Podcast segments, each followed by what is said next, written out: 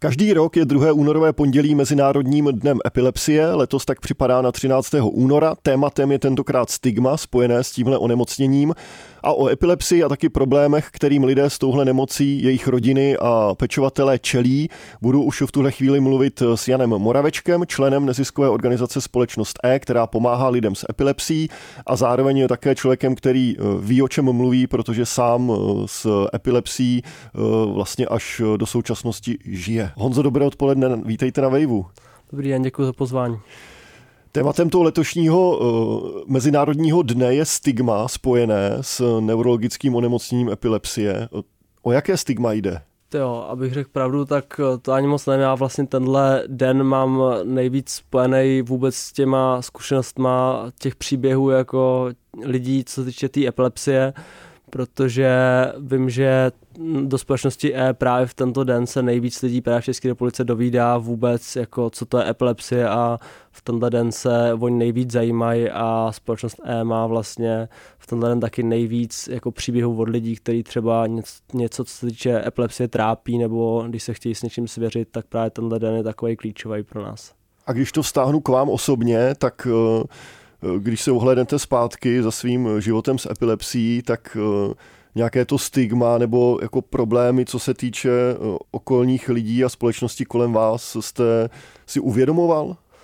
Asi z začátku, z začátku vůbec ne, když jsem tu epilepsii měl úplně poprvé, protože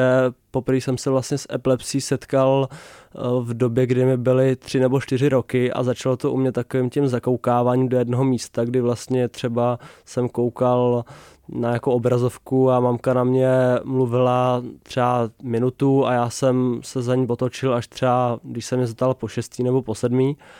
a pak mi teda nasadil ant- antiepileptika a ty mi zabrali hnedka snad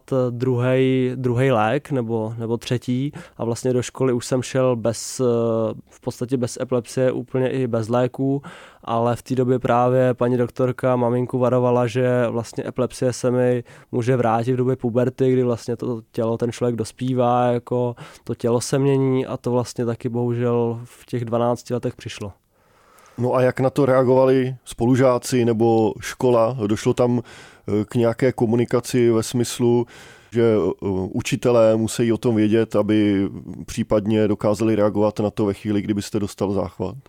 Myslím si, že jo, ale taky si myslím, že na tohle jsem měl dost velký štěstí, že samozřejmě, jak říkáte, rodiče i spolužáci, učitelka, která mě vždycky v té době jakákoliv, ať už to byla třídní nebo jiná, měla na starosti třeba na táboře nebo ve škole, tak se o mě bála, ale zároveň se mi líbilo a taky mi strašně vyhovalo, že se ke mně přistupovalo s takovým tím normálním přístupem a že jsem neměl zase žádný extra omezení, které by mě třeba omezovaly v nějakých například, když jsme měli třeba maturitní plesy nebo různé oslavy třeba se spolužákama na základce, takže se to nebylo takový, že by se na mě extra tlačilo a neříkalo se mi tohle nesmíš a tohle taky ne a v podstatě se na mě bezpečně dohlíželo, ale pořád tam byla taková trošku volnost. Jako. S určitými formami epilepsie může být spojen i docela přísný režim, co se týče třeba toho, kdyby, já nevím, člověk měl jít spát, nebo kdy se berou ty konkrétní prášky. Jak jste to měl vy osobně? Samozřejmě, když eh, máte epilepsii, tak uh, už to už bylo podle mě, čím jsem byl starší, tak tím víc jsem jako uh, si to uvědomoval a připouštěl, protože když mi bylo vím, takových třeba 14-15, tak to bylo takový to období, kdy vlastně vůbec jsem jako si říkal, že žádnou epilepsii nemám a bylo mi to úplně mávnutím ruky úplně jedno. Trápily mě vždycky jenom takový ty pozáchvatový stavy nebo ty stavy, kdy jsem měl ten záchvat, tak to mě vím, že to mě trápilo dlouho, ale to vlastně, co na mě působí a co můžu a nemůžu, tak jsem se začal uvědomovat eh, vlastně až těma záchvatama. A vlastně věděl jsem, že třeba nesmím pít alkohol, ale že třeba když si dám jedno pivo večer s kamarádama na maturitním právě plese, o kterém jsem třeba mluvil, nebo na nějakým večírku, tak že mě to nezabije, ale prostě musíte znát takovou tu míru a co na vás působí, že samozřejmě, když další den máte nějaký třeba běžecký trénink, tak nesmíte jít spát ve tři ráno, protože samozřejmě to je i pro zdravého člověka trošku jako první krok k tomu, že buď se vám ten trénink nepovede, nebo že tam skolabujete, takže pro mě ještě s epilepsí jsem si na tohle bych řekl dával obzvlášť pozor, jako, že jsem žil normálně, ale zároveň eh, i když jsem ty omezení měl, tak jsem to pořád užíval. Asi to možná nepůjde zomecnit vzhledem k tomu, kolik forem a druhů epilepsie je, ale alkohol a únava jsou obecně velký problém nebo riziko? Určitě alkohol a únava je největší riziko toho epileptického záchvatu, takhle vlastně taky nejčastěji s tím přichází do kontaktu, nebo takhle se k němu dostanou i lidi, kteří třeba záchvaty vůbec nemají a je to pro ně třeba první a poslední záchvat, když se někde opijou a pak třeba hnedka další den eh, mají, když to řeknu jednoduše, prostě další kalbu a tam se opijou taky, tak eh, občas se stane, že právě takovouhle formou jako se potkají s prvním záchvatem a už eh, ten rozumnější člověk si řekne, jako nesmím to s tím alkoholem přehánět, nebo když jsem opilej, tak jako nemůžu tady hrát, tady, nemůžu tady běhat dokola, nebo frajeřit tady jako na stole a vlastně většina lidí si to pak jako uvědomí a ten záchvat vlastně pro ně takovým prvním a posledním, když už to je samozřejmě nějaký další a má takovou zkušenost víckrát, tak už to je jako na vás, abyste někoho vyhledal a opravdu to někomu oznámil a jako, i když to zní jako pak děsivě tak diagnostika, tak pořád máte tu šanci, jako jsem měl třeba já se z toho nějak vyléčit nebo nějak s tím bojovat s tou epilepsí. Když se ještě vrátím k té škole, měl jste kolem sebe někoho dalšího s epilepsí nebo jak eh, jste si připadal ve smyslu toho, že uh, jste jiný v tomhle ohledu? Jasně, no, asi jak jste to říkal, no, připadalo mi, nejvíc asi mě na to mě štvalo, že jsem byl ten trošku jiný, že opravdu jsem byl ten ve škole, i když samozřejmě, jak jsem říkal, ty spolužáci na mě byli hodní, když jsem s něčím potřeboval jako pomoct, nebo když uh, Eh, třeba jsem něco chtěl dělat taky, tak paní učitelka řekla mýmu, mýmu kamarádovi nebo kamarádce, jako Honzo klidně, ale vezmeš tady sebou jako kamaráda třeba jako Petra a prostě ten na tebe trošku dohlídne, aby si na to nebyl úplně sám, nebo aby si ten orienták neběžel úplně sám. A nejvíc asi mě na tom štvalo ani ne ty záchvaty, ale to, že vlastně jste v té pubertě, nebo spíš v tom dospívání takových těch 15 až 17. puberty, tak jste vlastně uh, jako ten člověk, na kterého se musí prostě dohlížet, takže to mě na tom štvalo asi nejvíc, ale myslím si, že co se týče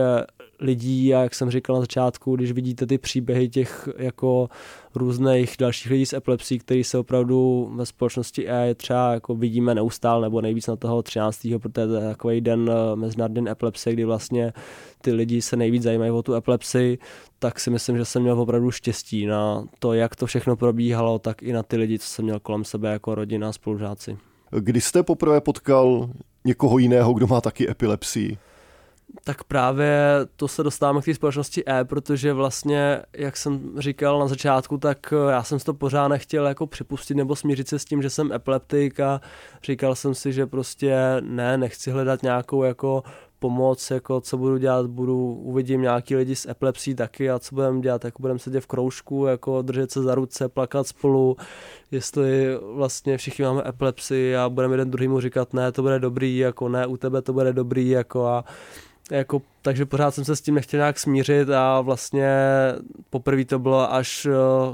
to mohlo mi být tak 17, 17 let. Myslím, že mi bylo před tou operací, kdy vlastně jsem se díky společnosti E seznámil s kamarádem, který měl vlastně podobný příběh jako já a epilepsii a řekl jsem si, tyjo, tak lidi, kteří třeba jsou takový blázni a chtějí pořád sportovat jako já a žít normálně, tak koukám, že taky s epilepsií jako existují a díky tomu jsem se vlastně do společnosti i dostal. No. Zmínil jste operaci, ta souvisela s epilepsií. Epilepsie souvisela s operací, protože já jsem eh, měl, nebo jsem, mám ložickou epilepsii, no měl jsem ložiskový typ epilepsie, což se vlastně dlouho nevědělo, protože uh, Uh, buď eh, jste typ epileptika ložiskový, což jsem já, nebo jak jsem říkal, že to jsem já, kdy máte vlastně to ložisko, který vám spouští v mozku ty záchvaty pravidelně, anebo vlastně to EEG při tom vašem záchvatu žádnou změnu na tom vašem mozku neodhalí a vlastně spolíháte na ty, na ty antiepileptika a léky, které vlastně pravidelně berete ráno a večer. No. A u mě vlastně, protože eh, když jsem se k tomu zpátky vrátil v těch 12 po té pubertě a začal jsem brát léky a žádný, žádný z antiepileptik nebo z, ani z těch kombinací mi nepomáhaly vůbec léky, tak uh, jsem chodil na více a víc vyšetření a vlastně po čase, po roce se zjistilo, že jsem docela dobrý kandidát nebo pacient, u kterého ta epilepsie, epilepsie jde zoperovat, takže takže proto nakonec jsem na tu operaci šel a jsem za ní moc rád, že jsem vůbec tu šanci takovouhle dostal. Jsou tam nějaká rizika? Bylo to těžké se rozhodnout, jestli tu operaci podstoupit? Tak myslím si, že daleko víc než pro mě to bylo asi těžší pro moje rodiče, protože já jako, když eh, mi oznámili, že na tu operaci můžu jít, tak eh, jsem to bral v podstatě už jako výhru, protože jsem si říkal, že hele, nezabrali mi vůbec žádný antiepileptika, tak je tady konečně možnost, která mi přijde, že jako má asi největší šanci uspět, takže já do toho půjdu, ale samozřejmě jako ten měsíc a půl v té nemocnici a ty předoperační vyšetření to rozhodně nezapomenu, ale myslím si, že pro moje rodiče to bylo daleko těžší než pro mě, si myslím. Zpátky ke společnosti E jakými všemi způsoby lidem s epilepsí pomáhá? Nebo jak možná nejdříve začneme u vás? Jak eh, vy jste propojen se společností E? Tak u mě to se společností E začalo tím, že vlastně uh, v těch 16-17 jsem byl takovej takový, že jsem těch záchodů měl úplně nejvíc, tak už jsem byl takový podle mě odevzdaný, nechtěl jsem s někým se o tom ani bavit, když eh, ten záchvat už jsem bral jako takovou raritu, že takový čekání na smrt, tak záchvat nepřišel dneska, ale přijde zítra, jako. Už prostě máte v sobě takovou tu hroznou nejistotu, pořád se vám to promítá v hlavě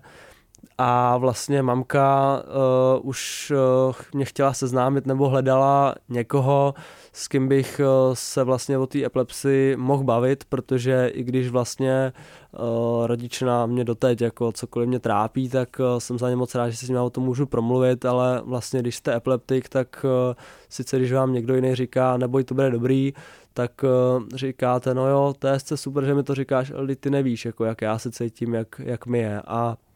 Vlastně takhle jsem se seznámil s kamarádem s Alešem ze společnosti E, který je o něco starší než já, už má, je to tatínek dvou dětí, ale vlastně mamka mi poprvé si pamatuju donesla jeho příběh na papíře a já, když jsem si to přečet, tak eh, jsem si říkal, že to zase bude jako nějaký epileptik podobně jako špatně na tom jako já a bude to něco úplně jiného, prostě nebude rozumět sportu, nebo bude někde zavřený, jako vůbec jako se o to nebude nějak zajímat o tu epilepsii, tak jako k čemu mi to bude. A pak po tom příběhu jsem vlastně se s eh, ním seznámil a do společnosti já jsem vstoupil. A teď eh, k tomu, jakými všemi způsoby společnost E pomáhá lidem s epilepsií asi chvilku potom, co se společnost E v době, kdy jsem tam já nastoupil, tak si myslím, že kromě mě tam přibylo i několik dalších lidí, kteří se o epilepsii chtěli bavit a nebáli se o ní mluvit na veřejnosti, takže o několik měsíců potom jsme se s vedoucí společnosti E, Alenou Červinkovou, Eh, dohodli na tom, že budeme dělat pravidelné besedy pro školy nebo pro různé firmy, třeba o epilepsii. A společnost E taky se mi líbila strašně tím, že už v té době a doteď to platí, zaměstnává eh, ve své aranžéry lidi, kteří mají eh, buď epilepsii pořád, nebo mají zkušenosti s epilepsií a třeba je to omezuje v nějaký pracovní činnosti a tak vlastně pravidelně Eh, dělají kitky pro různé firmní večírky a můžete si u nich eh, objednat kitky, které vám právě vyrobí někdo z lidí, který, společnost, eh, který ve společnosti jsou a vlastně ta epilepsie nějak omezuje, takže to se mi na tom taky strašně líbilo, jako ten princip toho zaměstnávání, že vlastně jako zaměstnat člověka s epilepsií, spousta společností vám řekne, že ne, že prostě nechce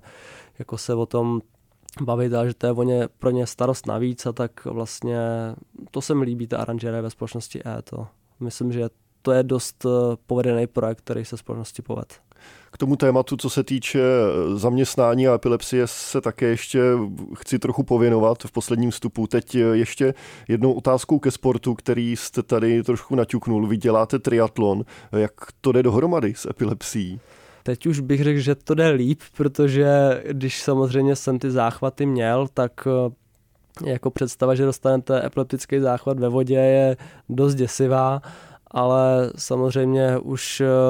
čím jste díl od toho posledního záchvatu, tak eh, den co den ten záchvat nemáte, tak máte tu větší jistotu a taky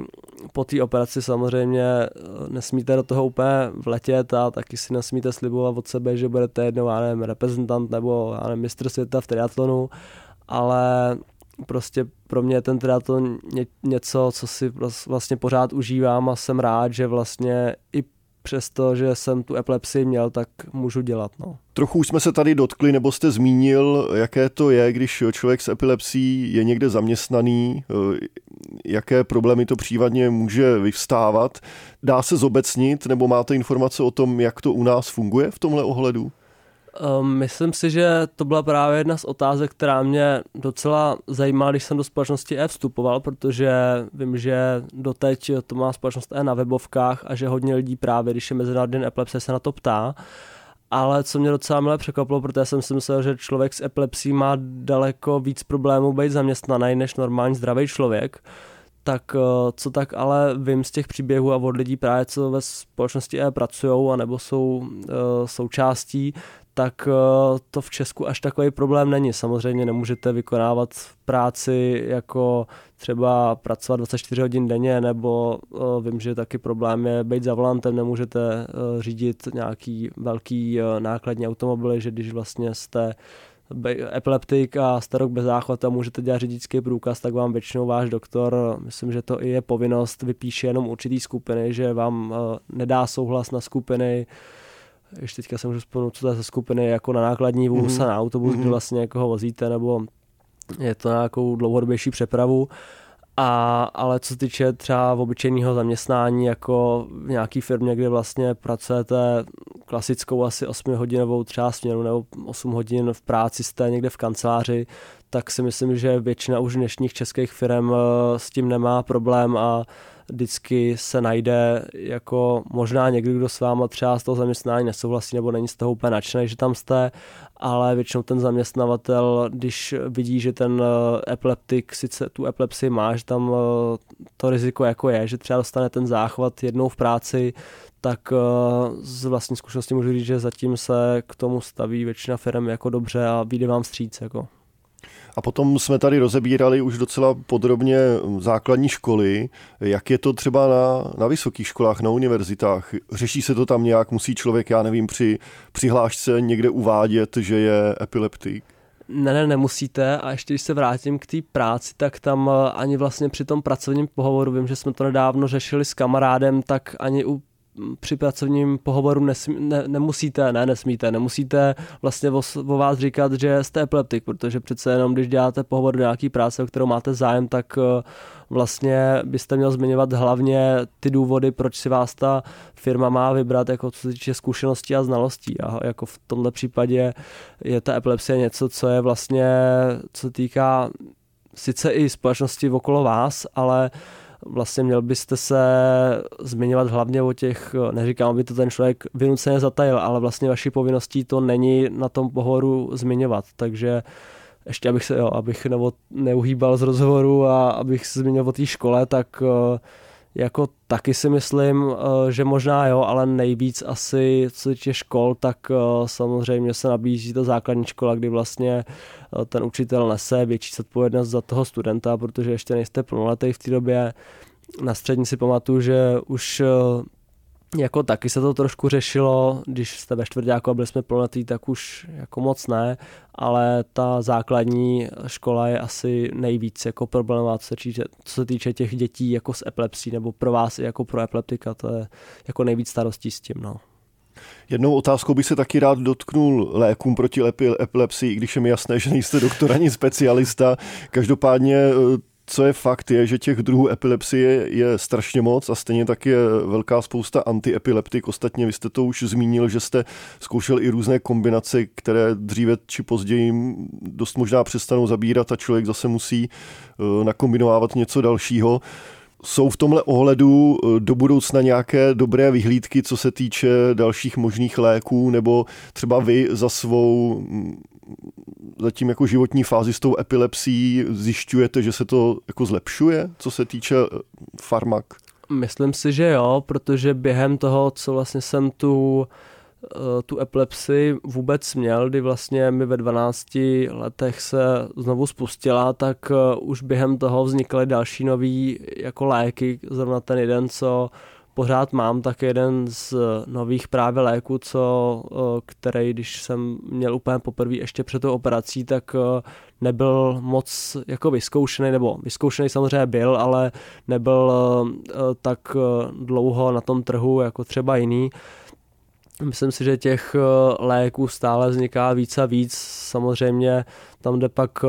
o to, jak ten lék vlastně přijmete vy jako pacient s epilepsí, protože eh, vím, že lék, který třeba má kamarád právě ze společnosti E tak, eh, a zabírá mu, tak mě třeba totálně neset a vím, že jsem byl rád a mohl jsem si jako byl jsem nejradši, když jsem ho mohl vyhodit, protože to byl pro mě lék, který, po kterém jsem byl unavený, po kterém uh, jsem si připadal, kdybych uběh maraton každý den. Uh, špatně jsem ještě i u toho jako spalo, že ten spánek jsem měl takový rozházený, že jsem se pravidelně budil, tak to vím, že to bylo takový jako trošku blbý.